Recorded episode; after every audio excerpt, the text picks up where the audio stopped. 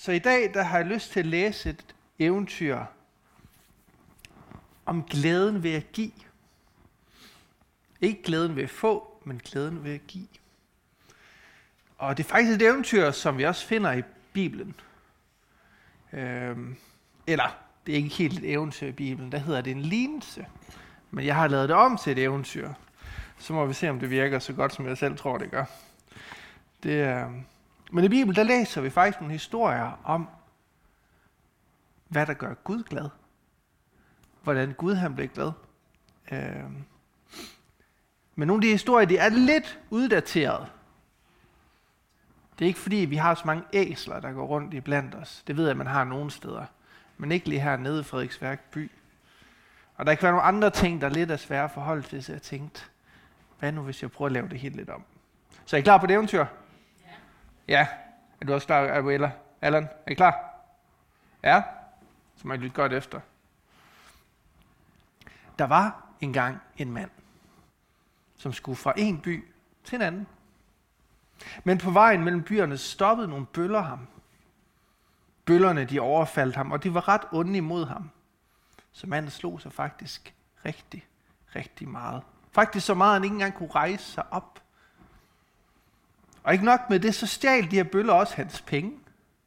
De tog hans sko, de tog hans kreditkort, og de tog selv hans helt nye iPhone med tilhørende earbuds.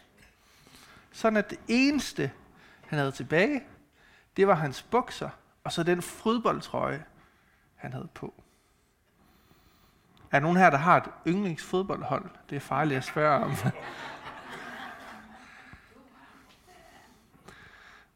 Jeg skal spørge, har du et yndlingsfodboldhold? Barcelona. Barcelona. Vi siger Barcelona. Okay, så lad os sige, at den her mand er, han havde en Barcelona-trøje på. Ja? For mens han lå der havde slået dig, så kom der faktisk nogle af hans kammerater. Eller i hvert fald nogen havde kendt, nogen havde gået i med. Og på den folkeskole, det var det sådan, at alle holdt med Barcelona. Og han tænkte bare, yes, hvor heldig kan det være. Vi kan jo lide det samme hold. Vi kommer fra samme skole, vi er gået med parallel klasse. De kommer helt sikkert til at hjælpe mig, fordi vi har så meget til fælles. Men dem her, der ellers burde være hans kammerater fra folkeskolen af, og som holdt med Barcelona, de magtede ikke at bruge tid og kræfter på ham. Så det lød, det lød bare, som om de ikke kunne så ham, se ham. Og så gik de bare lige forbi, uden at gøre noget som helst. Men så pludselig hørte den her mand, der lå ned og havde slået sig, han hørte lyden af en knallert. Og så så han en pige, som han ellers ikke kendte, som ikke var en af hans kammerater. Og så var det til og med en pige, der kørte rundt med en Real Madrid-trøje. Åh oh, nej. Mand, der havde tænkt sig, slået sig, tænkt, åh oh, nej, hun synes sikkert, det er super kikset. Og super nederen, fordi jeg ligger her med min Barcelona-trøje og har slået mig. Men den her Real Madrid-fan så ham, stoppede sin knaller og løb hen til ham og spurgte, hvad er der sket? Ej, er du okay? Manden nåede ikke rigtigt at svare eller sige noget, men pludselig lå han bare bag på den her knallert, som kørte med fuld fart afsted. Og mens knallerten ellers kom nærmere og nærmere sygehuset, så blev manden, der slået sig faktisk lidt nervøs. For i det her land her, så kostede det penge at komme på sygehuset. Her er vi heldige i Danmark, det gør det ikke her. Men det gør det i det her land. Og bøllerne, de havde stjålet alt fra ham.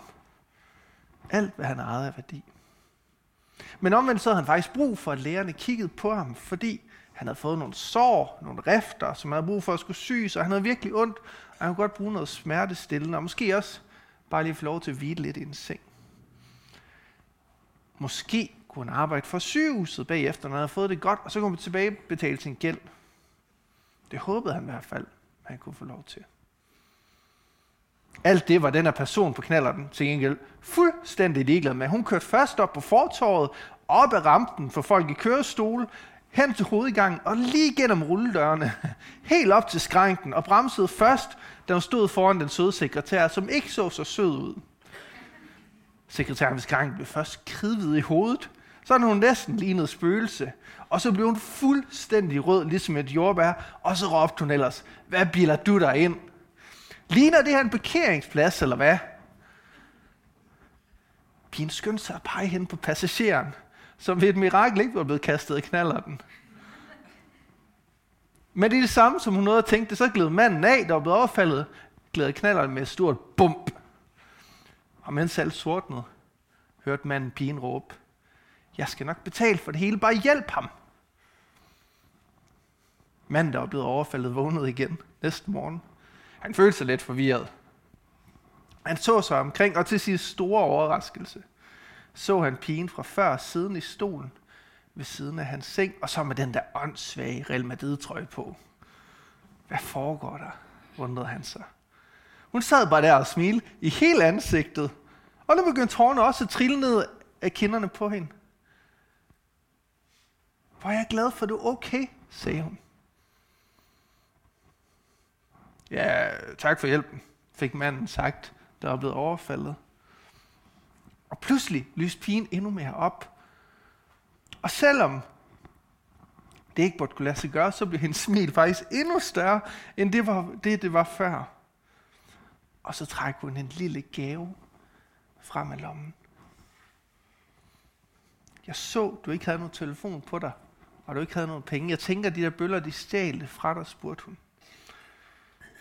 Man nikkede og blev faktisk lidt ked af det ved tanken.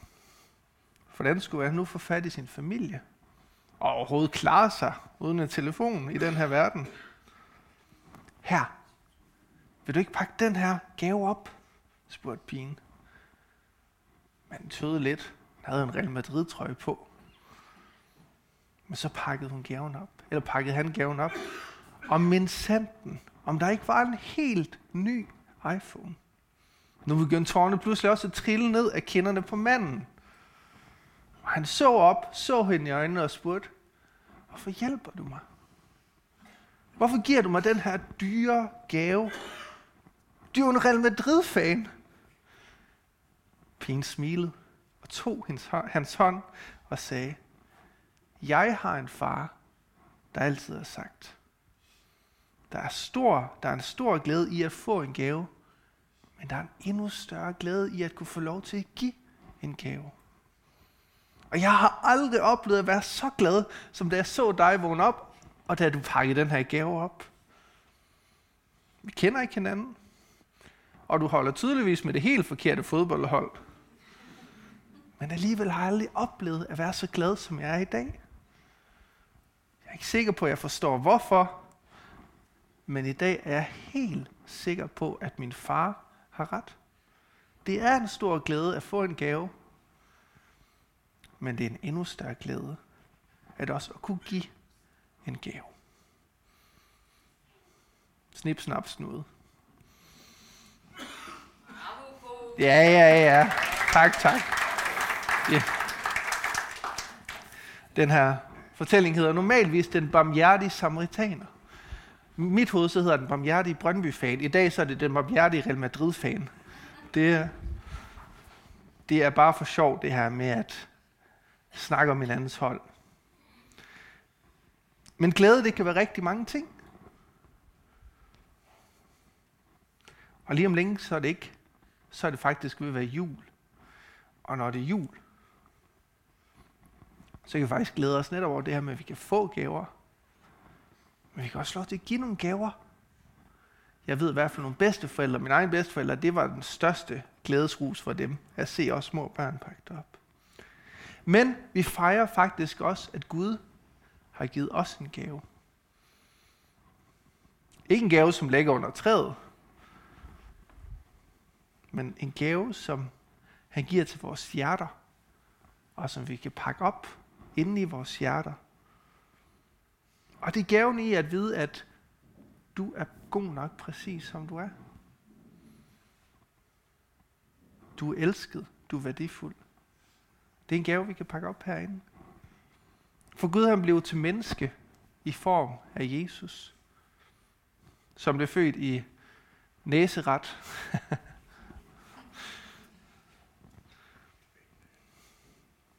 han blev født i en krybbe eller døbt i en krybbe, som vi hørte tidligvis. Han blev født i en krybbe i en lugtende og beskidt stald i Bethlehem.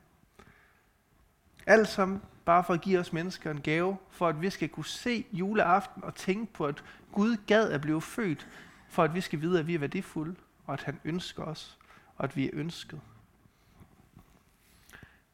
Og når vi tager imod den her gave ind i hjertet, som vi ikke behøver at vente til jul, men gør, det kan vi gøre hver dag, så kan vi pakke den op ved at tænke på Gud. Det kan være, at vi pakker den her gave op, når vi er lidt bange eller kede af det, og så vi siger, Gud, kan du ikke lige komme og lige være sammen med mig lige nu? Det kan være, at vi pakker gaven op, når vi er sammen med nogle gode venner, og vi kan mærke, at det er Gud også med i. Det er faktisk det fede ved den her gave her, den er fuldstændig universel. Det er ligesom at få de her, min bedstefar gav mig altid sådan nogle svejserknive, hvor du kunne have øh, korktrækker, og så havde du en ske, så havde du en kniv, og så havde du en gaffel, og så det blev bare ved. Den her gave her, det er sådan en universal gave, man kan pakke op hvor som helst. Og så tror jeg, det går op for mig. Jeg tror, at Gud han smiler lige så meget, som den her pige gjorde i historien, da han pakkede iPhone op hver eneste gang, vi pakker den her gave op. Og det, der virkelig er fint ved den her gave, som Gud giver os, det er også, at det er en gave, vi kan give videre til andre. Vi giver den her gave videre, når vi nu giver en krammer. Det kan være om søndagen, når vi møder hinanden. Vi giver gaven videre, når vi spørger, jamen, hvordan har du det? Når vi ser, at nogen er ked af det. Vi giver gaven videre, når vi sætter os sammen med nogen, som andre måske ikke har lyst til at sætte sig med. Eller når vi deler vores juleslik med dem, der måske ikke har råd til så meget juleslik. Når vi gør sådan nogle ting, så giver vi gaven videre. Gaven, som fejrer, at uh, gaven, som Gud gav til hele verden, er juleaften. Så julen er en glædens tid, det hørte vi også Frederik snakke om. Det er en tid, hvor vi kan være glade for at få en gave fra Gud. Og det er en tid, hvor vi har mulighed for at give gaver til andre. Ligesom Gud har givet os en gave. Det er lidt magisk. Lidt julemagi.